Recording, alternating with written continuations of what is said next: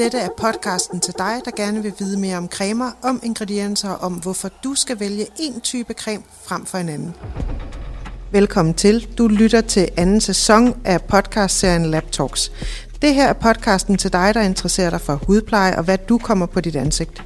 I første sæson startede vi fra bunden og undersøgte, hvordan en creme egentlig bliver til, hvilke forskellige processer man skal igennem, og hvorfor det er så vigtigt med al den fugt.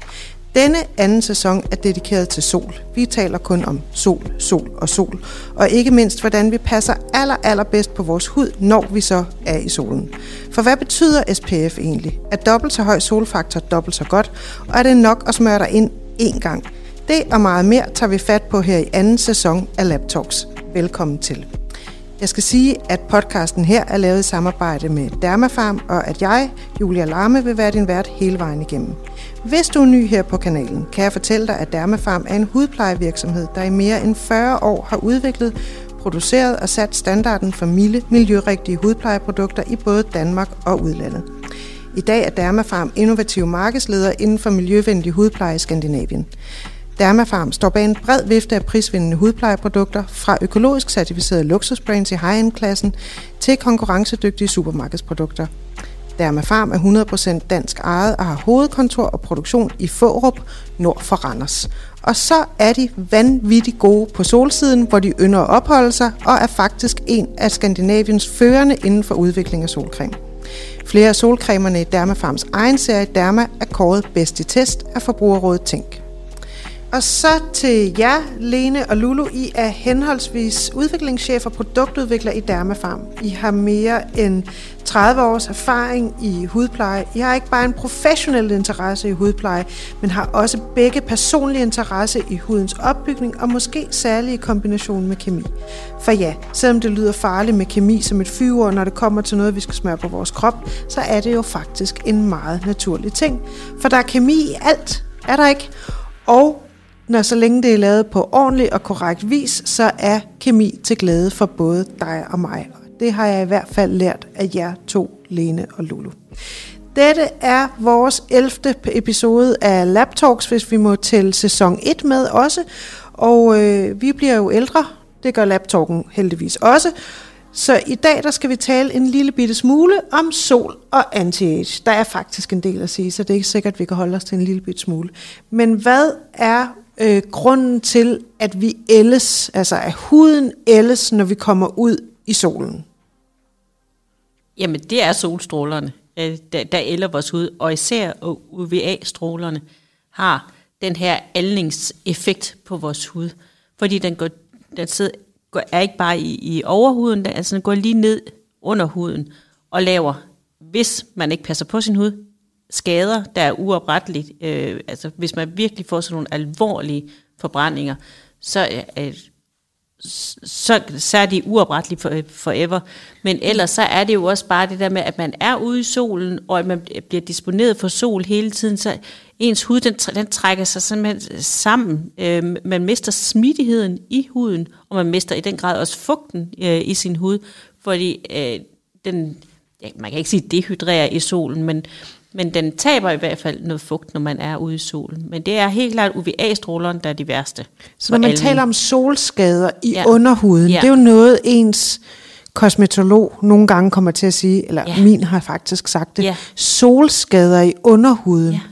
Det er, det er åbenbart, det vil, tænker det vil jeg, ikke at hun øh, refererer ja. til. Ja. Ja, jeg har nok også været lidt uforsigtig i mine unge år. Ja. Tak, Lene. Lulu, hvad kan jeg gøre for ikke at ælde min hud unødigt, når jeg er i solen? Mm. Du kan jo bruge solcreme ja. som øh, det første råd. og det er faktisk også det, du siger, er dit yndlingsprodukt, ikke? Hvis man snakker anti-age, ja. så ja. ja. Fordi øh, jeg mener, at øh, UVA-beskyttelse er noget af det allerbedste anti-age, vi kan få. Øhm, fordi solen netop kan være så skadelig, som Lene lige mm. har beskrevet. Ja. Øhm, vi kan jo også hjælpe den lidt på vej med andre aktiver, altså anti-age aktiver. Det er faktisk noget, vi har valgt at gøre med vores nye øh, Derma Sol 50. Øh, det er at tilsætte nogle anti-age aktiver til solcremen, ja. så vi ligesom giver et ekstra boost. Også for, Og hvad er det for nogle anti-age-aktiver? Øhm, I den her har vi valgt at bruge hyaluronsyre. Ja. Øh, det er en mega kraftfuld øh, fugtgiver. Og den, uh, den findes faktisk naturligt øh, i vores hud og bruges som sådan en, et smøremiddel i muskler og led og, og holder vores hud spændstig. Så det mister vi også lidt af øh, med alderen, altså vores naturlige produktion, og så at tilføre det til huden igen, ja. er bare super. Og det har anti-age effekt på den måde, at det tiltrækker fugt helt vildt, og binder fugten i huden. Så hyaluronsyren. Vores, hyaluronsyren, ja. ja. Så vores hud ligesom bliver puffet lidt op, eller hvad man siger, så den bliver mere spændstig Det igen. siger vi ja tak til. Øh, ja, det er det, vi gør. Øhm, så ved at kombinere de to, så tænker vi, at så... Øh, og hvorfor en faktor 50? Er det ikke en meget høj faktor? Det er en rigtig høj faktor. Øhm, og det er jo også for at få noget mere UVA-dækning. Øh, ja. Godt. I det her øh, produkt. Ja. Så den glæder vi os til at møde. Så det er et, et højsommerprodukt. Et højsommerprodukt. Det, det vil jeg glæde mig til at være smurt ind i. Men skal jeg så øh, være smurt ind i solcreme hele tiden året rundt, for at undgå de her aldersskader, Lene? Nej, det skal du ikke, fordi øh, det er kun i højsommeren og, og, og i, i starten på året, at vi har et UV-indeks, der gør, at vi behøver at have solcreme på. Om vinteren er solen jo ikke så, så, så slem her i, i Danmark. Så jeg synes ikke, man behøver at have solcreme på hele året. Jeg siger ikke, at man ikke må, men jeg kan ikke se nogen grund til det, fordi at der, vi er ikke udsat om vinteren og ja, i de kolde måneder generelt her i Danmark. Men selvfølgelig, hvis vi tager sydpå, eller andre steder, hvor at de har et meget højere UV-indeks, så skal man selvfølgelig have ansigtssol, eller et hele taget solbeskyttelse på. Men er der andet, jeg kan gøre, altså for ikke at få de her alderstegn, når jeg går i solen? Altså kan jeg, kan jeg øh, trække mit øh, dermaarsenal op af skuffen, og så kan, kan, skal jeg eksfoliere huden inden? Skal jeg fugte den? Hvad, hvad skal jeg gøre for sådan at forberede min hud til solen, så den ikke ældes unødigt, selvom Jamen jeg gerne altså, vil have fregner? Altså fugt, fugt er helt klart også en parameter, som Lulu lige sagde før. Det, det er en væsentlig parameter på, på, på ælning af huden, fordi når huden den taber fugten, så krøller huden sig sammen, og så taber den sin spændstighed og elasticitet, og så mangler den noget til sådan ligesom at blive løftet igen. Det er jo ja. fordi, den er faldet sammen, øh, ja. faldet lidt sammen i, i rynker altså i sådan nogle fuger. Og selvfølgelig jo ældre vi er, jo større er fugerne, og jo, jo mere behov har vores hud også for fugt. Fordi en ung, en ung teenagerhud, der ellers er, er sund og rask, har jo egentlig den fugt, mm. som man kan få... Altså, ja, der kan man det, godt det blive lidt sund, misundelig ja, nogle gange. det er jo ja. en sund... Man kan jo se på sådan en, en ung pige, der, og det er jo en sund kulør og en sund hud, og den står flot og, og stram og spændstig. Men, men vi andre, der er nået lidt op i, i, i årene, den er lidt løs, og den hænger lidt, og vi får også øh, nogle pletter her og der, og, og en rynke. Og, og det er jo fordi, både at vi ældes, og det kan vi ikke stoppe, og det skal vi heller ikke stoppe, det er jo bare sådan, det, er, men mm. vi kan godt passe på, og vi kan udsætte noget. Så jeg vil egentlig sige, det er mere det der med, at man, at man kan udsætte noget, eller man kan pleje sig, som man sådan også ser sundt ud på Og det er fugt. Dage. Det er altså fugt, og fugt er også en del af anti-age, fordi anti-age er tit en del af fugten, som Ludo lige sagde før, hyaluronsyre ikke har, både, har den der evne til at tiltrække fugt til huden, ja. der så gør, at den bliver et anti-AIDS-aktiv. Men hvis jeg så kommer hjem fra solen, Lulu, hvis vi nu leger, at det er højsommer i Danmark, og jeg har smurt mig ind... tanke. ja, ikke? Jeg har brugt min nye Derma Solfaktor 50 i ansigtet. Jeg har smurt mig forsvarligt ind på resten af kroppen. Jeg har ikke været ude mellem 12 og 15, selvom det er meget svært at lade være, fordi det der er det sjovest. Men jeg har ligesom passet rigtig godt på. Alligevel så har jeg fået farve, fordi solcreme og faktor afholder jo ikke en fra at få farve. Men jeg kommer hjem, og jeg kan ligesom mærke i min hud, at jeg virkelig har øh, taget for mig af solbuffeten. Hvad kan jeg så gøre, når jeg kommer hjem? Er der noget, jeg kan gøre for at undgå alderstegn? Er der noget, jeg kan gøre for at passe rigtig godt på min hud, når jeg kommer hjem? Det er der. Heldigvis. Ja. det er jo ofte, at man bliver meget varm og meget tør, efter man har solbadet. Og det er jo egentlig lidt samme emne, jeg berører, som Lena lige har snakket om. Så det er faktisk at give kroppen noget mere fugt. Så både før, under og efter solbadning? Ja. ja, okay. øh, ja, faktisk ja. Øhm, fordi at vi ofte også, huden bliver også meget stram, hvis den har fået for meget sol. Ja. Og det er også noget, man kan modvirke ved at give den mere fugt, og give den noget af den her smidighed og elasticitet tilbage. Så der kan man bruge øh, Aftersun, Ja. eller en almindelig body lotion. Øh, I Aftersun kan vi jo godt lide nogle gange at inkorporere nogle, nogle lidt mere kølende aktiver, og nogle, der giver ren fugt, nogle lette ting, ikke så nogle tykke olier, Nej. men noget, der er let på den her lidt sarte og tørre solramte hud, Ja. på den gode måde. Og det kunne for eksempel være aloe vera som øh, ingrediens, eller hvad, hvad, hvad mener du her? Jamen, øh, vi har for eksempel vores aloe vera gel, som er, som er sådan en helt tynd, eller ikke tynd flydende, fordi du kan have den i hånden, men den er utrolig nem at, mm. at påføre huden. Og som Lulu lige sagde, altså hvis, hvis man har været ude i solen hele dagen, og den er sådan lidt, måske den er en lille smule rød, selvom man ikke vil indrømme det, og den er lidt varm, og den er måske lidt øm, så skal det, så skal det være noget, der er meget nemt at påføre huden, og nemt at fordele, fordi ellers så gør det ondt øh, Ja. på, øh, på huden. Så, så en aloe vera gel øh, er, er super nem, og den har også den her kølende effekt, fordi når, det, når, når vandet og aloe veraen begynder også at fordampe for huden, så får man også den her sådan kølende fornemmelse. Og ellers så har vi også vores, øh, vores almindelige aftersun øh, lotion, der er, der er, altså, hvor der er noget olie i, fordi aloe vera gelen er vandbaseret, så der har man ikke sådan den der oliefugt øh, med i, men det har man i vores almindelige aftersun lotion, som er en, altså en almindelig emulsion. Der er Stadig meget let. Men den bruger Det jeg er ikke, stadig den bruger meget jeg ikke i ja. ansigtet, vel? Det er ikke ansigtet, jeg putter den. Det er på kroppen, eller kan jeg også bruge den i Jamen, det ansigtet? kan du sagtens bruge i ansigtet. Jeg kan okay. ikke se, hvorfor du ikke skulle kunne bruge Nej. den i ansigtet. Jamen, det er jo bare, Øh, fordi jeg er vant ja. til, at noget er til krop og noget til ja. ansigt. Ja. Jamen, det er da også, altså, jo, øh, du, du kunne sikkert også, vi kunne sagtens lave et produkt, der, kun var til ansigtet, men vi synes også, det er ret smart, at man kan bruge det hele mm. over hele kroppen. Så, så jeg vil vælge om øh, enten en, en lotion eller en gel, og vi har faktisk også en spray, som man kan spraye. Og det, i det i sig selv, at man sprayer noget på, føles også kølen, Ja. og føles rart at have på kroppen.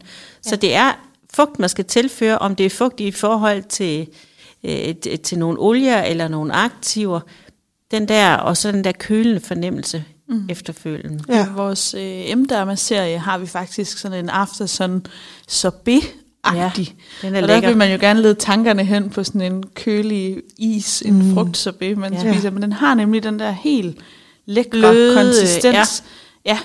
Ja, øhm, som netop køler, øh, køler huden ned, når den har været ude efter sådan en lang Og sommerdag. trænger ind. Ja. Så Og vi trænger har flere ind, ja. forskellige muligheder for at, at både køle huden og fugte huden efter Ja. ja. solens øh, en dag i solen. Og det er jo sådan en smag og Ja. behag, hvad man hver især synes, der passer til ens hud og temperament.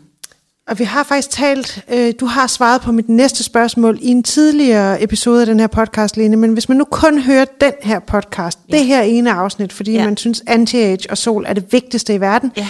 så er jeg nødt til også at bede dig om en gang til at forklare os, er det nok, hvis der bare er SPF i min makeup creme? Altså hvis jeg bruger sådan en øh, BB-cream eller foundation eller et eller andet, hvor der, hvor der står, at der er SPF 30 på for Ja. eksempel, er det så nok?